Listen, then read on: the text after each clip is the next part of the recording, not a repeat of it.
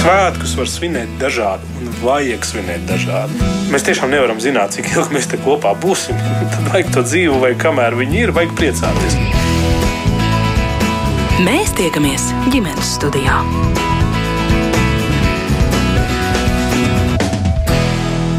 Labdien, klausītāji! Raidījuma producente Sarmīta Kolāte, Smērits Notiņa pie mikrofona. Šodienas ģimenes studija ievada kāds stāsts, kuru aizņemamies no Latvijas televīzijas raidījuma ceturtā studija.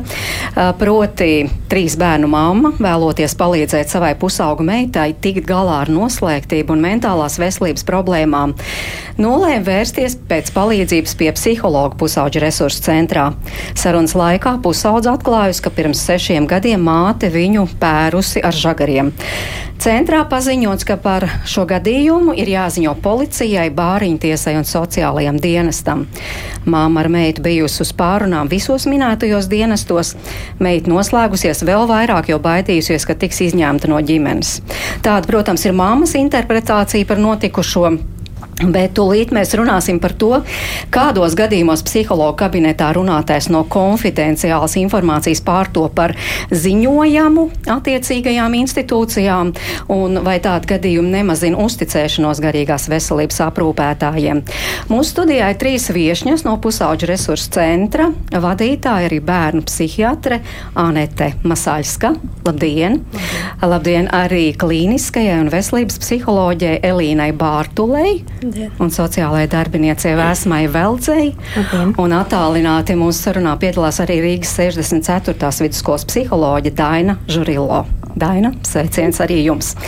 Jā, bet, nu, cik man zināms, pirmā vizīte pie psihologa sāks ar vārdiem. Viss, ko pārunāsim, paliek šajā kabinetā. Varbūt Elīna jūs precizētu, kā parasti psihologs sāk to savu pirmo vizīti. Mm, uh, jā, noteikti iepazīstoties sāk un tad, uh, tad pārunā. Vai nu pajautājot pašam pusaudzim, vai viņš zina, kas ir konfidencialitāte un no tā, no, no tā uzsākam sarunu, vai nu atkal jā, kad, uh, kad tiek ievērot konfidencialitāte, izņemot gadījumus, jā, informācija, ko jūs man atklājat, var liecināt to, ka var uh, norādīt uz to, ka tev vai kādam citam cilvēkam tas, tas var būt apdraudoši. Un tādos gadījumos tas ir ārpus konfidencialitātes. Bet to jūs arī pasakāt pusaudzim jau pirms tam, ka, piemēram, bērnu tiesība aizsardzības likums paredz, ka speciālistam, kuram pēc sarunas ar bērnu rodas aizdomas, ka ģimenē iespējama fiziska vai emocionāla vardarbība jāziņo iestādēm? Jā, jā, mēs pārunājam, mēs izstāstam par to, kā, kā notiek tā kon, konsultācija, kā viņi kopumā iepazīstinām ar to informāciju un pārunājam, jā, vai tas sarunas gaitā, vai kā jūs minējāt, uzdodot jautājumu un, un precizējot, vai no atkal izstāstot no savas puses, jā, kā tas ir. Bet to nosaka ne tikai bērnu tiesību aizsardzības likums, tas ir arī psihologu ētikas kodeksā ierakstīts, vai ne? Anita Masaļska. Nu, es domāju, ka to varētu pakomentēt varbūt vairāk Elīna, jo viņa ir klīniskais psihologs. Es esmu psihiatrs, bet mums arī pusauģu resursu centram ir ārstniecības iestādes status. Un arī, ja mēs konstatējam vardarbību, tad arī likums nes līdzi to, ka mums ir jāziņo kā institūcijai atbildīgajām citām institūcijām par to, ka mums, mēs esam konstatējuši kaut kādu šādu faktu.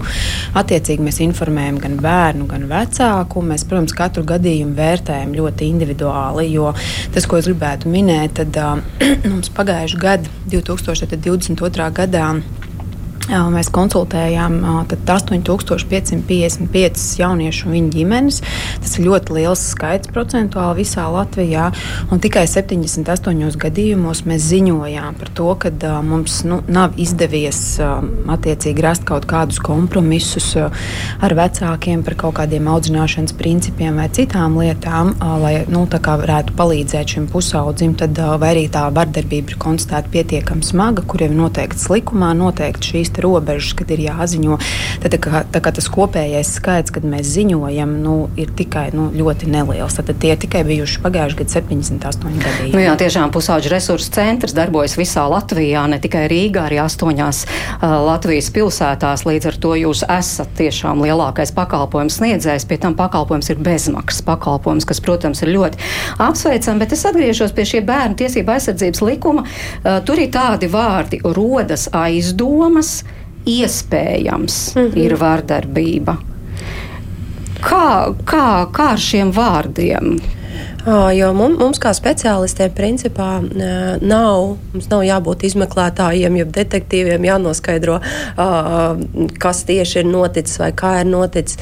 Jā, ja mēs jā, konstatējam to, ka man ir pamatots aizdomas, ka šobrīd bērns tiek apdraudēts, tad mans uzdevums ir ziņot, un citu institūciju tātad pēc tam ir pārbaudīt šo informāciju. Um, un, un rast risinājumu. Jā, bet mans uzdevums nav noskaidrot. Man ir, jā, nav, noska, nav, um, nav uzdevums noskaidrot visas detaļas, bet, jā, ja man rodas pamatots aizdomas, tad, tad es drīkstu rīkoties.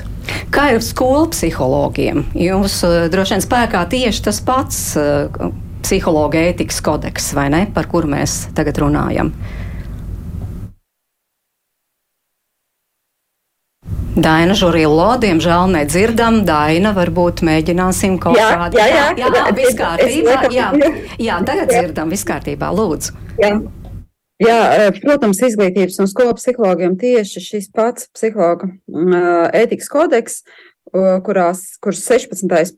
pāns attiec tieši šo konfidencialitātes jautājumu. Un jāsaka tā, ka būtībā mēs darbojamies ļoti līdzīgi kā jebkura vieta, kurā tiek sniegta šī psiholoģiskā palīdzība. Un arī mēs izvērtējam, kā bērnam klājas, ja gadījumā ir šīs aizdomas un bažas par to, ka viņam var būt kāds apdraudējums vai nu tuvākajā nākotnē, vai arī pašreiz viņš tiek apdraudēts emocionāli, vai viņa veselība, vai arī uh, seksuālā ziņā, tad noteikti arī tas tiek ziņots tiesību sargājušiem instancēm. Bet šo lēmumu psihologs pats vienpersoniski pieņem? Vai tomēr pirms eh, šīs ziņošanas ir kaut kāda konsultēšanās? Uh, psihologam uh, tas ir, tas ir mūsu pienākums. Mēs to esam atbildīgi ar mūsu diplomu, ka, ja mums ir šīs bažas, un, un, un tad mēs to paši pieņemam. Jā, to mēs pieņemam.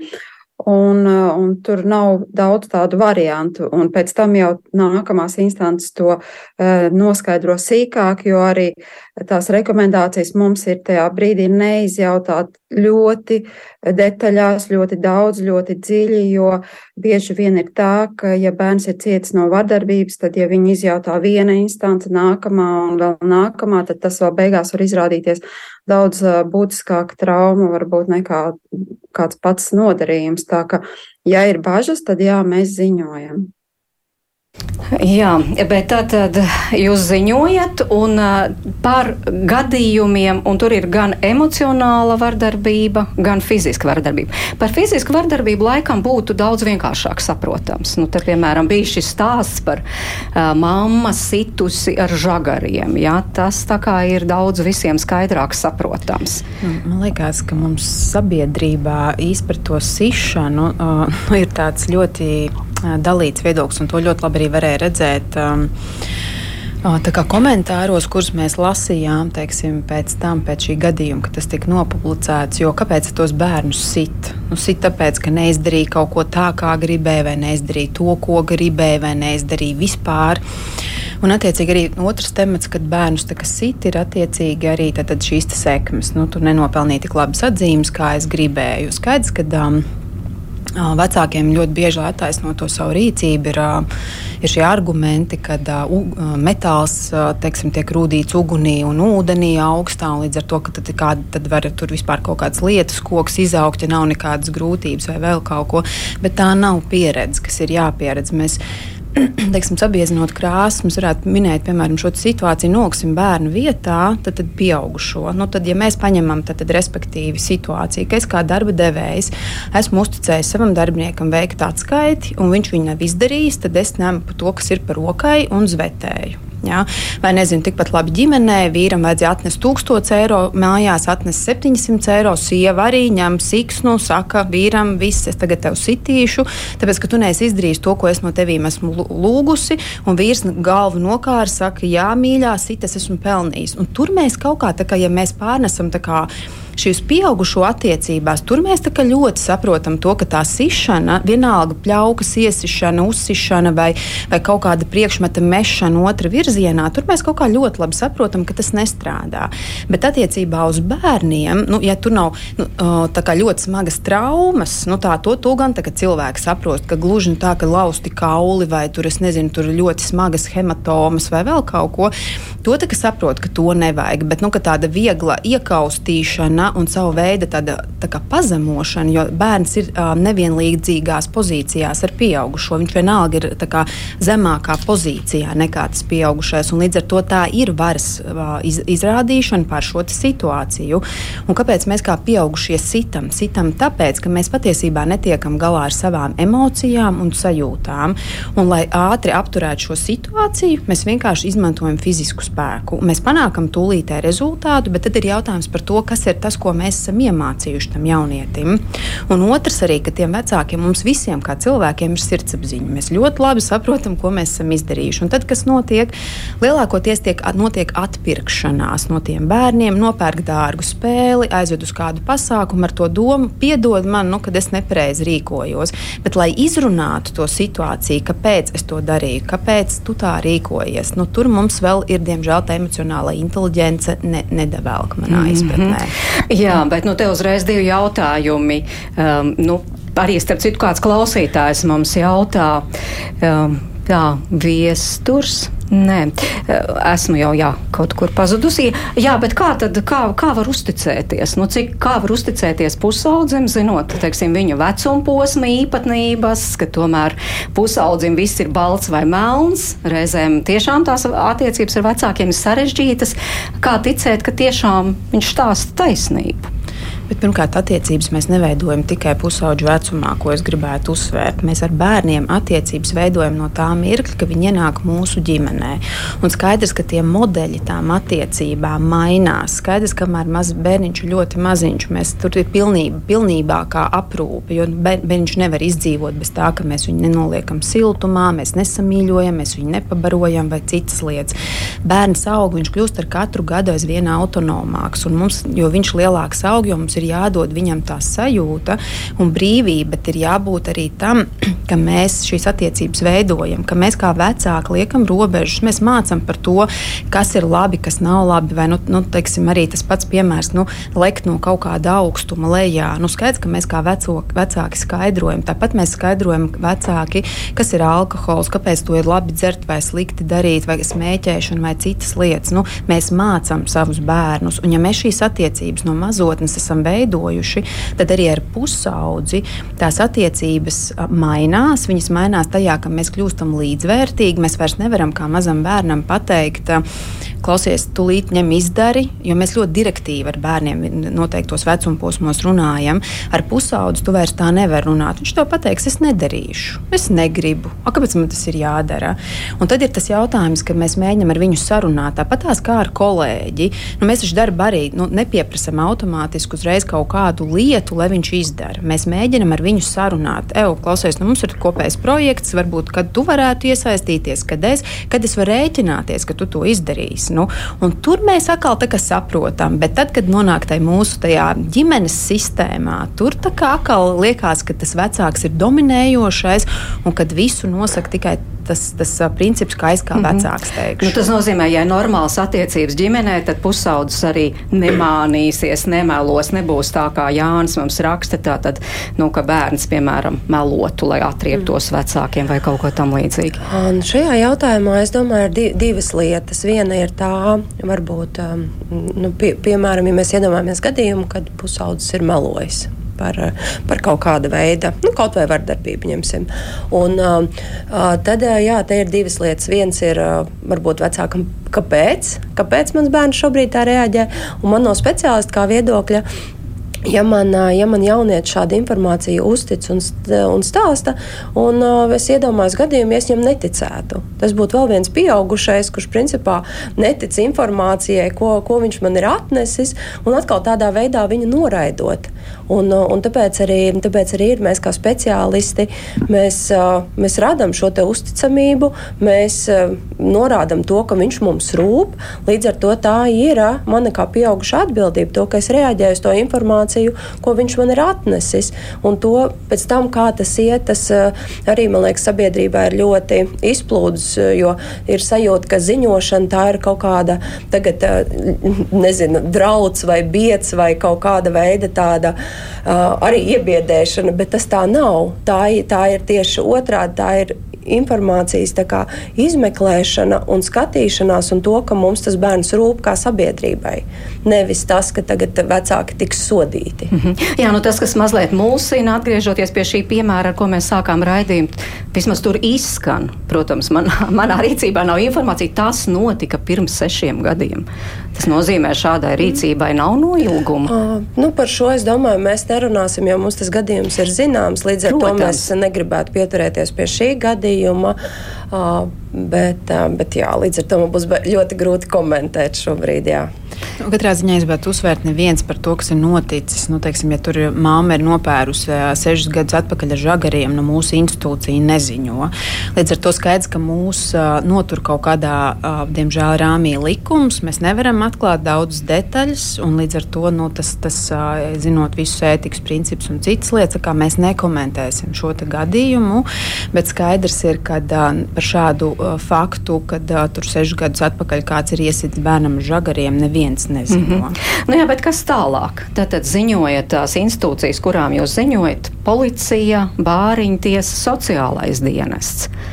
Jā, nu, man gribētu teikt, ka tā, vispirms mums jāsāk ar tādu sabiedrības stigmu, kas mums uh, visapkārt ir dzirdama par to, ka uh, šajā gadījumā, kad mēs ziņojam, ka tas ir kaut kas nosodošs. Uh, un, uh, un šo institūciju iesaiste ir jau tāda represīva, bet pēc būtības, uh, pēc būtības jau tās ir valsts un pašvaldību institūcijas, kurām būtu jāsniedz mums atbalsts.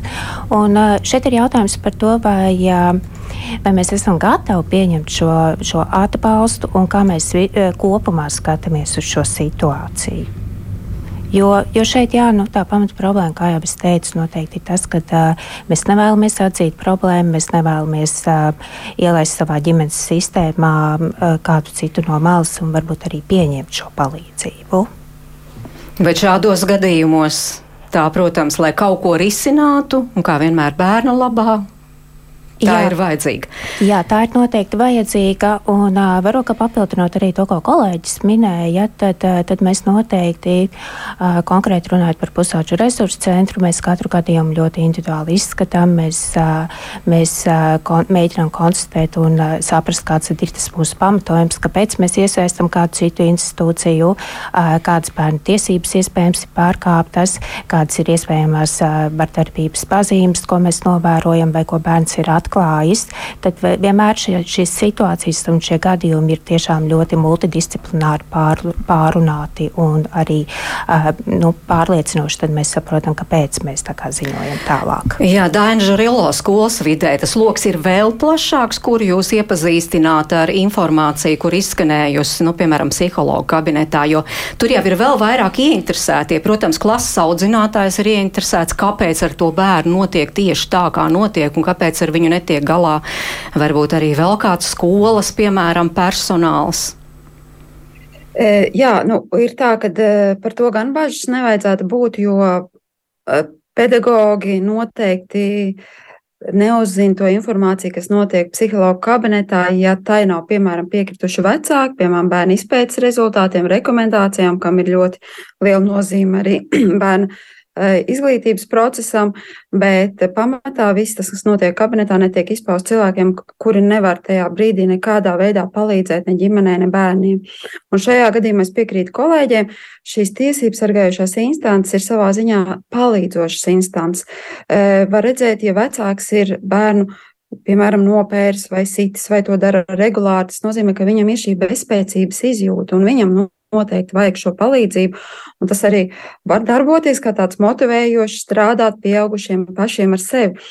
Un es arī gribu aicināt e, vecākus e, tā pilnvērtīgi jau no bērna dzimšanas uzņemties šo īsto vecāku lomu, nekad nepalaist kaut kādā pašplūsmā, nepalaist tehnoloģijās, nepalaist skolas atbildībā, bet veidot šo dziļo emocionālo silto, labēlīgo piesaisti ar bērnu. Un tad, ja tā tas notiks, tad visticamāk ģimenes visu uh, locekļu vajadzības būs apmierināts, un nevienam nebūs vajadzība otru sist, vai nebūs vajadzība par otru sūdzēties un, un, un kaut kur nodot, jo tie, tā, tie pienākumi pret savstarpējām attiecībām, savstarpējo ģimenes tādu mīlestību ir daudz lielāki un pārāk, tās vērtības ir daudz nozīmīgākas, un tad nevajadzēs katram cīnīties par savām tiesībām.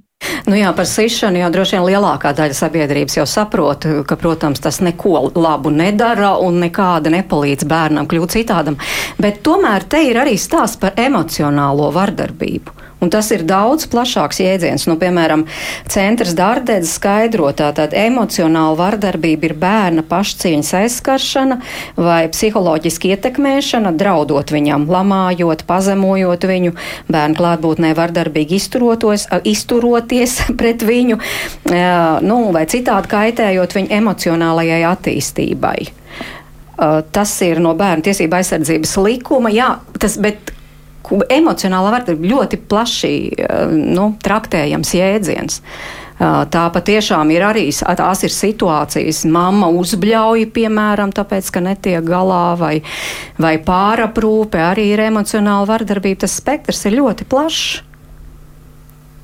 Noteikti emocionāla vardarbība arī televīzijā redzēts, eh, mūsu gadgetos redzētais, jā, ko bieži vien vecāki arī palaiž garām un kam es ļoti vēlētos lai vecāki vairāk pievērš uzmanību, jo bērni ļoti traumēti un uh, pārdzīvo un izjūt milzīgu trauksmi pēc tam, ko viņi tur ir saskatījušies. Tā, tā arī ir vecāku atbildība. Jā, bērnu laist pasaulē ir milzīga atbildība. Bet tātad arī par šīm situācijām jūs ziņojat?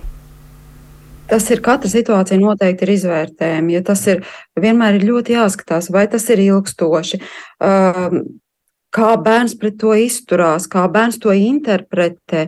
Uh, nevienmēr uzreiz varbūt tiek ziņots, bet uh, esam, mana praksa liecina par to, ka es ieaicinu vecākus tajā situācijā, lūdzu viņu redzējumu, kopā pārunājam. Nu, tas uh, nav tā ļoti viennozīmīgi pasakāms noteikti. Elīna Bārtula, ko varētu kolēģei te pieminēt, tiešām pat emocionālo vardarbību varētu būt vēl daudz vairāk neskaidrību. Jā, jā, par emocionālu vardarbību ir vairāk neskaidri. Nu, kā, min, tas jēdziens varētu teikt, ir plašāks un plašāks ska skatījums. Bet es piekritīšu kolēģei, ka šādos gadījumos tiek arī mana prakse ir tas, ka piesaistam vecākus vairāk pusauģu resursu centrā, tāpēc mums ir vecāku grupas, mums ir vecāku psihoterapija, ģimenes terapija.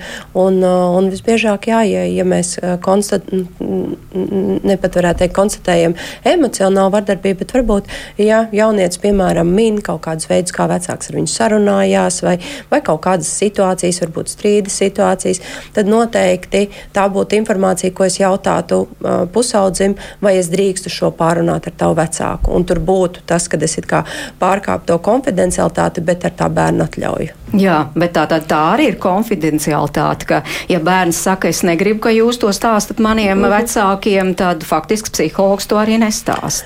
Uh, jā, un tajā pat laikā mūsu, atkal domājot par, par to, ka mūsu klients ir jaunietis un mēs gribam viņam palīdzēt, tad jā, mēs vairāk, vairāk laika veltīsim uh, izrunāšanai ar jaunieti, kāpēc tas ir svarīgi, kā tas varētu būt palīdzoši. Un tā kā varbūt runāsim par jauniešu bailēm, kāpēc viņš negrib, lai, lai šī informācija tiktu paust, kā viņš to interpretē, pārnāt.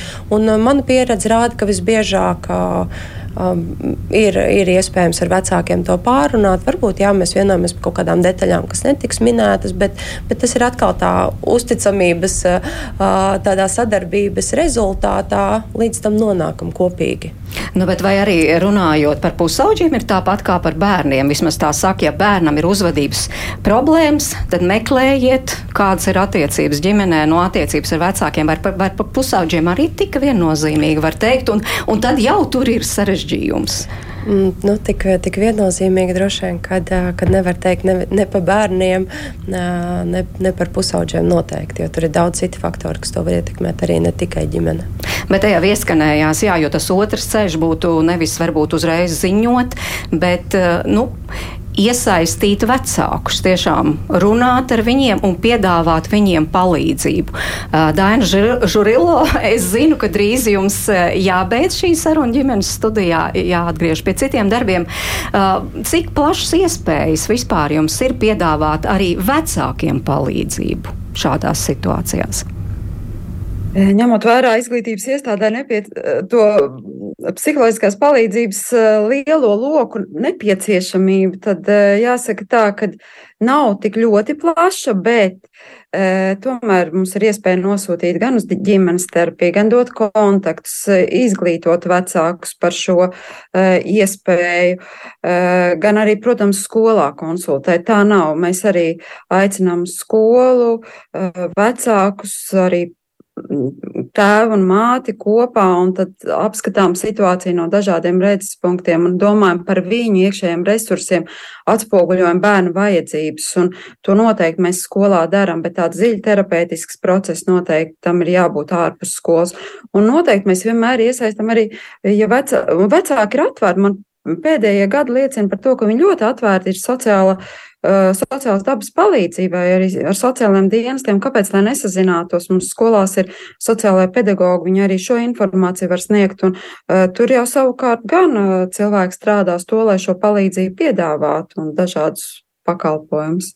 Droši vien, ka sociālā darbinieca vēsma veldze varētu papildināt. Tiešām jūtat, ka atvērtāk arī paši vecāki pieņem šo palīdzību. Jā, noteikti. Un arī pusauģu resursu centrā, ja mēs runājam par tā, turpinot nu, šo emocionālo vardarbību, kas varbūt sakrīt kaut ko un sasaucas ar tādām audzināšanas prasmēm, tad jā, tad vecāki piekrīt arī mums iekšēji centra sadarbības tādiem procesiem, kā piemēram ģimenes terapijai vai vecāku psihologam vai apmeklēt vecāku atbalsta grupas.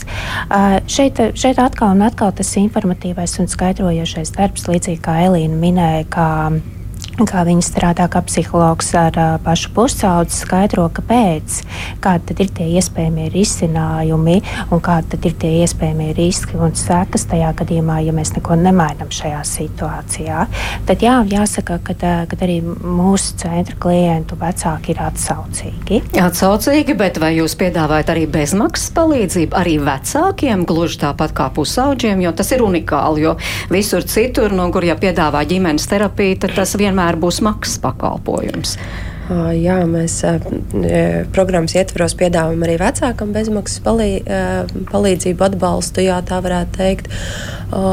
Jā, Un, un strādājot ar bērniem vai pusauģiem, ir visefektīvākie rezultāti ir, ja iesaistās ģimene, un ka tas tāds ko, kopīgs darbs. Un, jā, kā, un es no savas pieredzes ar laikam varu teikt, ka vecāki ir tiešām atsaucīgi, centīgi un, un ieinteresēti. Un arī tas, kāds skaits pie mums, kāds pieprasījums ir pēc pakalpojumu, liecina par to, ka tā, tā stigma mazinās par to to, kad, kad var lūgt palīdzību. Jā. jā, un droši vien arī rezultāti, ja tiešām tā ir sadarbība, psihologs, bērns un vecāki ir arī pavisam citi rezultāti. Es atgādīju mūsu klausītājiem, tātad šodien ģimenes studijā ir uh, trīs speciālistes no pusauģa resursu centra, proti vadītāji arī bērnu psihiatre Anete Masāļska, sociālā darbinieca Vēsma Veldze un arī klīniskā un veselības psiholoģa Elīna Bērtu. Un šajā brīdī tiešām mīļi paldies par piedalīšanos. Es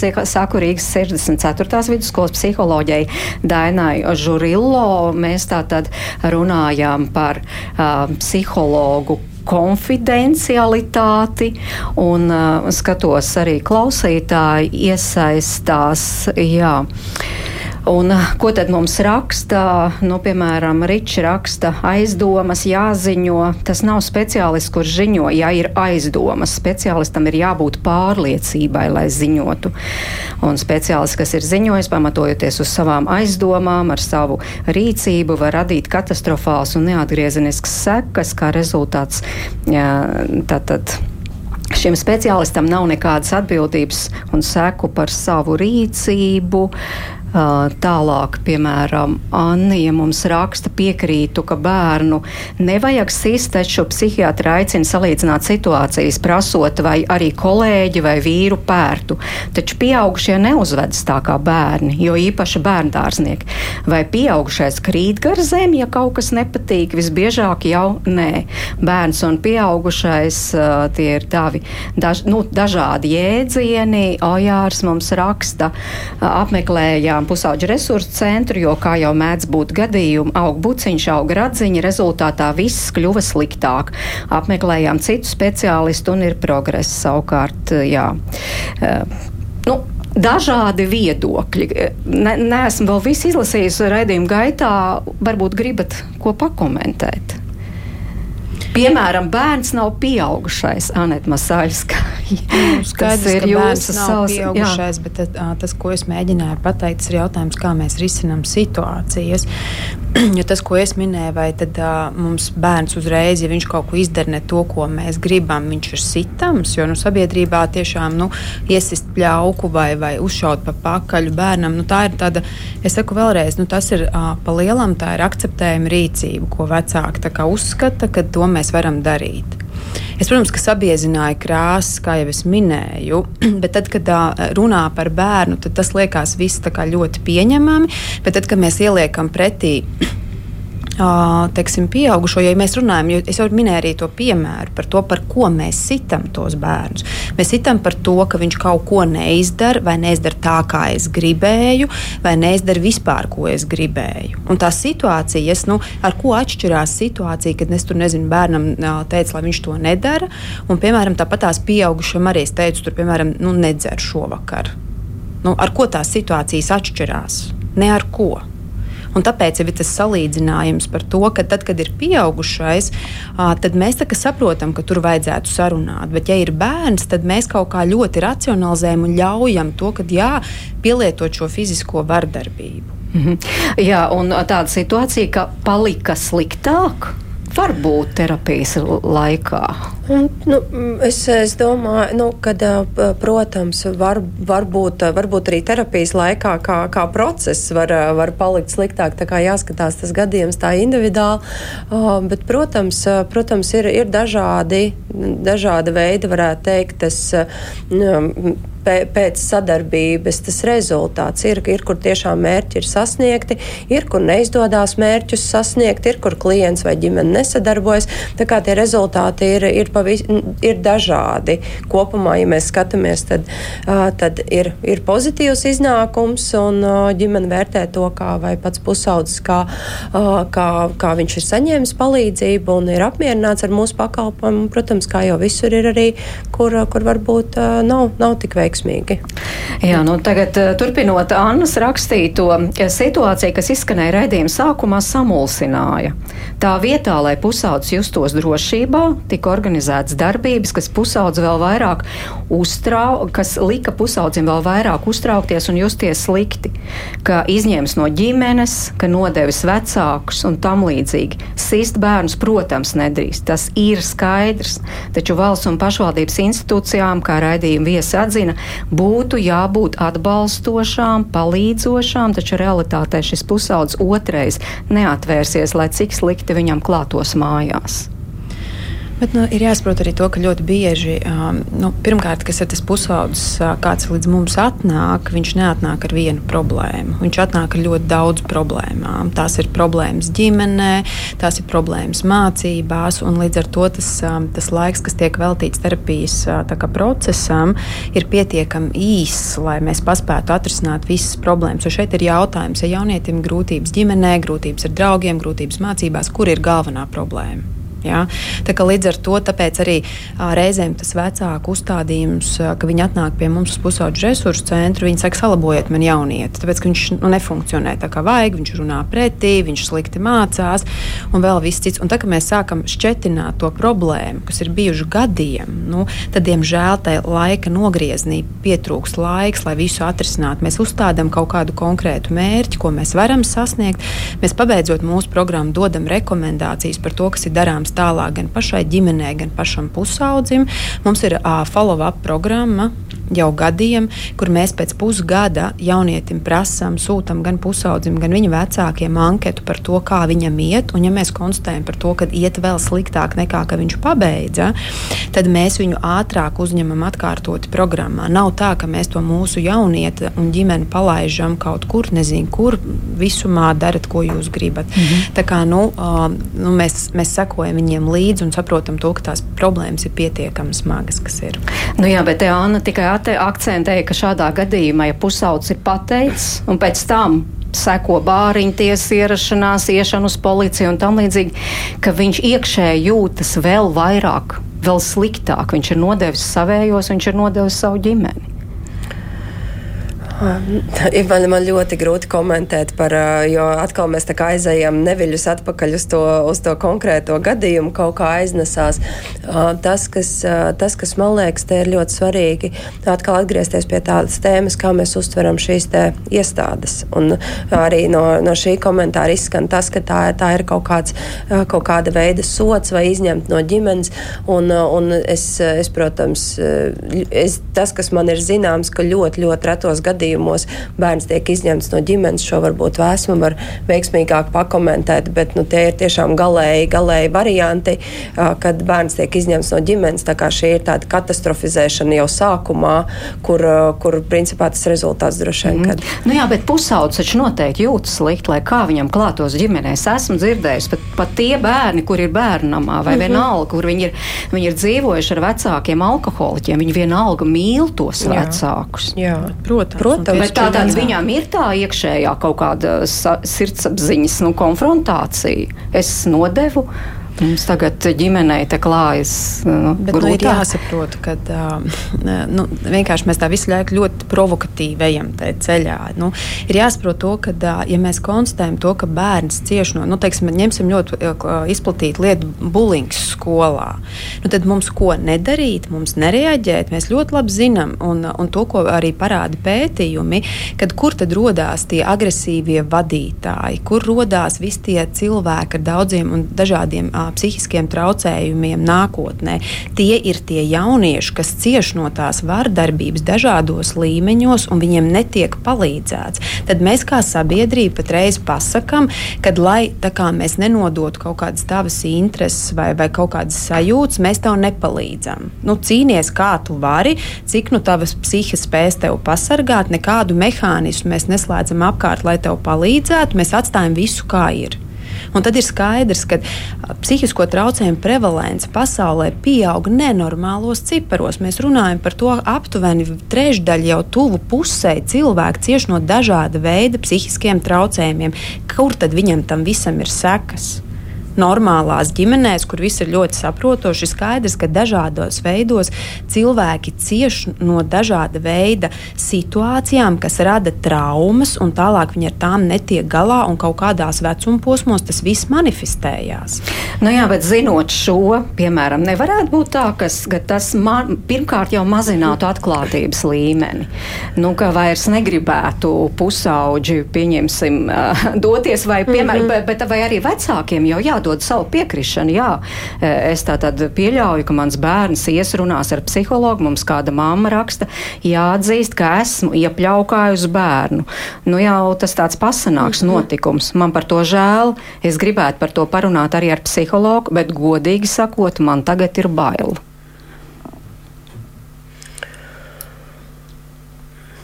Es domāju, ka mums kā sabiedrībai pašiem ir jāatzīst to, ka mēs visi kaut kur kļūdāmies. Tad ir jautājums, kā mēs no šīm kļūdām tiekam ārā. Jo mēs visi ļoti labi zinām, ka nevar braukt zem sarkanās gaismas. Un tajā mirklī, ka mūsu policija pieķer, vai arī, nezinu, tagad uz šoseis ir 90 km, bet mēs braucām ar 120. Un policija mūs pieķer, un kā mēs jūtamies? Skaidrs, ka mēs jūtamies slikti, tāpēc, ka mēs esam pieķerti. Un šeit arī gadījumā, ja tu esi kļūdījies un ie, iepļaukājis savu bērnu vai, vai arī pat iesitis viņam, tad ir jautājums, kā tu šo situāciju risini. Nekas, mēs visi varam kļūdīties, mēs esam cilvēki, bet ir jautājums, kā mēs šīs kļūdas risinām. Vai mēs tiešām nu, esam gatavi runāt par savām jūtām, emocijām, par to, ka jā, es šai mirklī biju pilnīgā bezizējā, es jutos vienkārši nu, tā, to, ka es nevaldu pār situāciju. Es sapratu, ka tajā mirklī efektīvāk būs tevi iesist, jo tad man likās, ka tu to darbību pārtrauks. Jo es neredzēju, ka tu mani dzirdi, kad es kaut ko darīju, nu, kad, kas, tas, ko es tev saku, tev ir vispār būtiski. Bet, kad mēs runājam, runājam ar tiem jauniešiem par to, kas ir noticis, jo mums jau ir jāveido ar viņiem tās attiecības. Jo ticiet man, tie bērni izaugs. Viņi nav kaut kas tāds, kaut kāds fenomens, kurš paliek mazs visu mūžu. Viņi izaugs un pienāks tas brīdis, ka viņam būs gadi 30, un viņš nāks pie tā vecāka un jautās, kāpēc tu mani siti? Un tad ir jautājums, ko mēs viņiem atbildēsim, jo viņi risinās vēl tās traumu sekas, kas būs, ja viņi paši nebūs ar to tikuši galā. Un tad viņi pēc cik gadu tādas um, laika nogriežņa sāks gribēt šīs problēmas risināt ar vecākiem. Nu jā, bet tomēr, nu tā tad zinot šo vai nesamazināsies uzticības līmenis. Es atgriežos pie tā, ka tomēr vecākam ir jādod savu piekrišanu. Un ja vecāki tie, kur zina, ka mūsu mhm. ģimenē nenotiek viss tā, kā būtu jānotiek, Vai tas viņus motivēs parakstīt to papīru? Nu, jā, lūdzu, lai manējais tur iet un runā, Jo es jau nezinu, varbūt bet, viņš atklās, un kas būs pēc tam. Bet es gribētu teikt, tas pats, kas ar alkoholiķu. Lai mēs sāktu risināt kaut kādas problēmas, mums ir jāatzīst, ka ir problēmas. Un šai gadījumā arī nu, mēs slēpjamies, mēs turpinām izlikties, ka mums viss ir kārtībā. Jo ir taču sabiedrības, kur sit bērnus, kur tak, nu, viss kaut kas notiekās. Nu, kaut kā jau izdzīvo, bet ir jautājums par to dzīves kvalitāti. Un tas ir, tas ir, tas ir vienīgais. Mhm. Elīna? Vārtu, ko jūs gribētu piebilst? Te es, te es gribētu, jā, man liekas, jo, jo šobrīd šķiet tāds strupceļš ar to, ka tā, tā ziņošana šķiet uzreiz kaut kas tāds ļoti bailīgs un, un, un tāds satraucošs, ka tas ir kaut kāda veida. Tā kā man liekas, pirmais solis būtu paskatīties tā kā uz kopumā uz, uz pašvaldību institūcijām un tiesības sargājušām iestādēm kā uz tādu palīdzības iespēju un to, jā, ka man ir problēma, tad es saprotu, kur es vēršos un, Un, un, un arī es gribētu laikam mazināt to, mm, to ko, es nezinu, to satraukumu varbūt par to, jo, ja, jā, jo, ja ģimene atzīst, ka viņā ir grūtības un vēršas pēc palīdzības un pieņem un veido dialogu, ja mēs varam runāt, sarunāt, pārunāt, kā mēs šo te risināsim, tad mums nav nepieciešamība arī ziņot tad mēs, eh, mēs to situāciju risinām. Ja mums ir kaut kāda veida strupceļš, kur mēs saprotam, ka mēs nevaram, tad, tad jā, mūsu uzdevums ir ziņot, lai tādā veidā risinātu šo grūtību un palīdzētu šim bērnam. Tāpēc, mm -hmm. jā, tā tāds uh, par šo tēmu ir tā, tā ļoti, nu tā grūti izteikties tā tieši, jo katrs gadījums tiešām ir individuāls. Mm -hmm, jā, jo, jo vēl, vēl tas atklātības līmenis, jo tomēr ir svarīgi, lai bērns arī pasaka vai pusaudzis arī pasaka. Un tas, protams, nu, tas ir tā ļoti, varētu teikt, nav kontekstā ar šo sarunu, bet es nu, tomēr gatavojoties lasīju mm -hmm. dažādu informāciju un arī, starp citu, atradu ļoti interesantu rakstu. Um, portālā Santa. Tur gan bija par uh, garīdzniekiem un par viņu šo grēksūdzes noslēpumu. Un, un tāds citāts likums sargā gan, garīdnie, gan garīdzniekus, gan starp citu arī advokātus. Jo nu, viņiem uzticētā informācija tā patiešām ir profesionāls noslēpums un nevar advokātam prasīt izpaust informāciju, ko viņam konfidenciāli uzticējis aizstāvājumais. Ja šādas normas likumā nebūtu, advokatūras institūts būtu tukšu vārtu, vārdi, zinot valsts eh, noteikto regulējumu, klients advokātam stāsta to, ko nestāstītu nevienam citam. Un tieši tāpat notiek grēksūdzē pie garīdznieka. Tieši tas, ka ir pilnīgi skaidrs, ka šī informācija ne, ne, neizplatīsies, tā teikt. Ja? Jā, nu man eh, noteikti negribētos uz šo jautājumu atbildēt tā sausi un burtiski, bet, ehm, bet droši vien tas, kas, eh, kas sākumā man ir jāmin, ka tomēr mums ir noteikts, kā mums ir jārīkojas šajās situācijās. Eh, kaut vai tīri vispārināt, ja mēs skatāmies bērnu tiesību aizsardzības likuma kontekstā, tad jebkuram no mums, kas, kuram ir zinām kaut kāda šāda informācija, kas satur iespējams kaut kādas pretiesiskas darbības pret bērnu, mēs jebkurš esam atbildīgi atbildīgi un mums ir jāziņo. Bet savukārt konkrēti runājot par, par psihologiem, kas arī ir ārstniecības personas, ir reģistrēts kā ārstniecības personas, tieši tāpēc tās arī kā mēs pārējie speciālisti, kas pusauģu resursu centrā strādājam, mēs sniedzam arī sociālo pakalpojumu.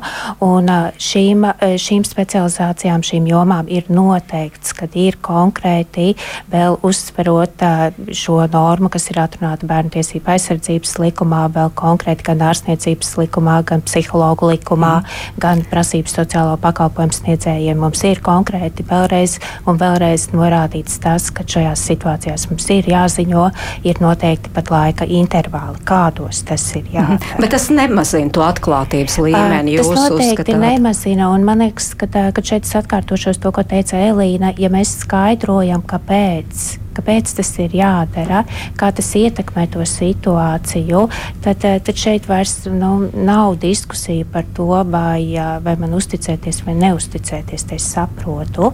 Ah, vēl, vēl es gribētu minēt eh, to, kas, kas varbūt atkal ir tāda stigma, kad. Kad uh, iejaucoties vai arī nu, uh, saņemot to palīdzību, pirmais, kā mēs to uztveram, respektīvi, pieaugušie un vecāki, kad, kad mēs tiksim nosodīti. Bet, uh, bet mēs nenosodām. Mēs jā, neatbalstam šādas rīcības, bet mēs nekādā gadījumā nenosodām. Ir izcinājumi, kā to darīt savādāk. Klausītājs Mārcis jautā, kāda ir psihologa atbildība, ja psihologs kļūdās? Ģimene iziet cauri šai ellei, kā viņš raksta, Un kā tad risināt šo situāciju? Jā, tie tik interesanti. Laikam arī nu, komentāri kopumā, arī, kas iepriekš izskanēja pēc, pēc raksta, ka, ka, jā, kad šīs institūcijas šķiet kā elle, kā tāds, kā tāds milzīgs pārbaudījums, bet tam tā nevajadzētu būt tam tā, tam tā principā saknē nevajadzētu būt. Nu, uzsvars uz nevajadzētu. Jā, mums bija jā. pat vesels raidījums šai ģimenes studijā, kādiem žēl ir. Mm -hmm. Es mhm. nesaku visos jā. gadījumos, bet kā joprojām ir. Tāpēc, ka tās ir divas dažādas lietas. Uh, Īna raksta, vēlējos uzzināt, pirms gadiem akcijā dod pieci mēs ziedojām vecāku izglītošanas programmu izveidošanai un speciālistu sagatavošanai. Šobrīd nezinu, kur atrast šo speciālistu. Solīja katrai pašvaldībai, bet trūkst informācijas. Tā tad, jā, atgriežamies vecāku izglītošanas programmas. Tas noteikti būtu viens no stūrakmeņiem, kā varētu risināt problēmas, lai tādu būtu aizvien mazāk. Un, un es teikšu, šobrīd, kad, kad vecāki ir nu, arvien vairāk interesējās, paši lasa, izglītojās un, un nu, kā, ņem, ņem tās iespējas, kas mums, kas mums piemēram, dotas ģimenes terapijā terapija ir ļoti noslogota. Vecāku psihoterapeits, vecāku grupām mums ir gan klātienē, gan attālināti. Vecāki piesakās, dalās, un, un viņiem tas, viņiem, viņi paši viens otram ir milzīgs atbalsts bieži tādās grupās, ko es, piemēram, novēroju.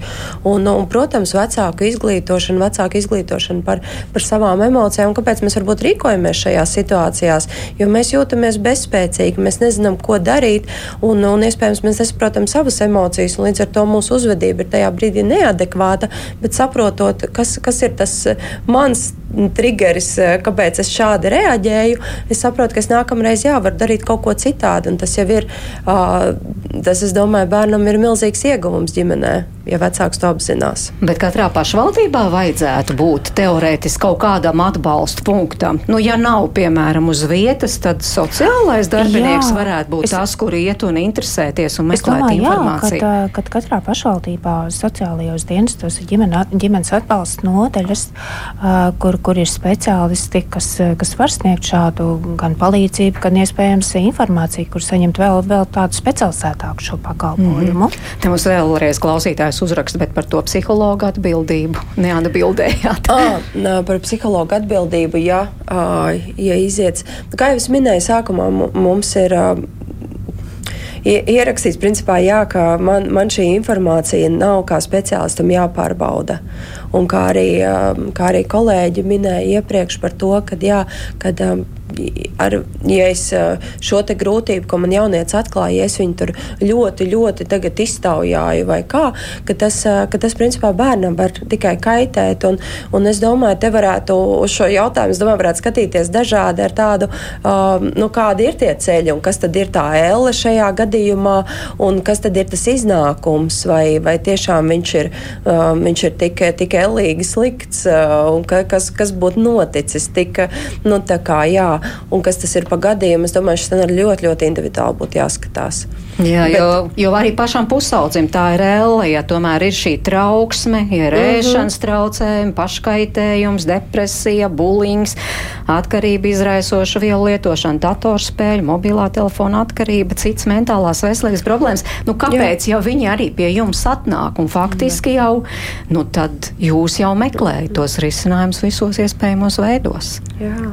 Mm -hmm. Tā un mēs domāju, varam, vēl, vēl par to atbildību arī tādā ziņā, ka uh, kāda būtu mana atbildība, ja es neziņotu, un ar to bērnu kaut kas reāli notiktu, uh, kā, kā, kā tad tas būtu. Jā, un ja no otras puses padomā, tad, uh, tad protams, es, es labāk labāk tajā brīdī, ņemu visas bērna intereses tajā brīdī un, un rīkojos. Jo man liekas, trakāk būtu tad, ja, ja mēs kā pieaugušie nerīkotos, un, un, un, jā, un tad būtu ar to kopā iznākumu iespējamo.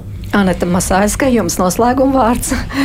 Ne, nu, es gribētu tiešām, lai mēs kā sabiedrība sākam skatīties uz to, kad, um, kad uh, tās institūcijas, kam tiek ziņots, ka tām ir jābūt palīdzošām, uh, un, un ka tas mums ir kā resurs, ko izmantot. Un, un skaidrs, ka mēs uh, visi kopā varam palīdzēt, un arī vecākiem, un arī pašam pusaudzim reizēm iemācoties viņiem abiem kā, sarunāties. Tur veidojās jau fantastiska tāda saikne starp viņiem. Un tas ir tas mans novēlējums. Runāsim viens ar otru, un līdz ar to mēs arī daudzas problēmas atrisināsim. Un, un negaidīsim tikai no visiem citiem, bet mēs jau daudz ko savā ģimenes sistēmā varam palīdzēt viens otram, labi justies kopā. Un tas ir tas, ko mēs arī um, mēģinam centrā, lai tas bērns un vecāks dzird, un mēs tikai esam tikai tā tāds ārējs nedaudz faktors, kas piepalīdz viņiem justies labi. Paldies! Um, visām speciālistēm no Pusauģa resursu centra Anetei Masaļskai. Uh, Elīnai Bārtulei un Vēsmai Veldzei. Paldies jums, ka klausījāties. Raidījuma producents Armīta Kolāte, Iveta Zvēniec un Toms Šits pie skaņu pulces mērķis notiņa pie mikrofona. Tiekamies rīt 5 minūtes pār diviem. Eh, mēs runāsim, kāda palīdzība ir garī eh, sievietēm ar garīgi raksturu traucējumiem, kurām ir mazi bērni. Par to tātad rīt un lai jums laba diena. Paldies, ka klausījāties!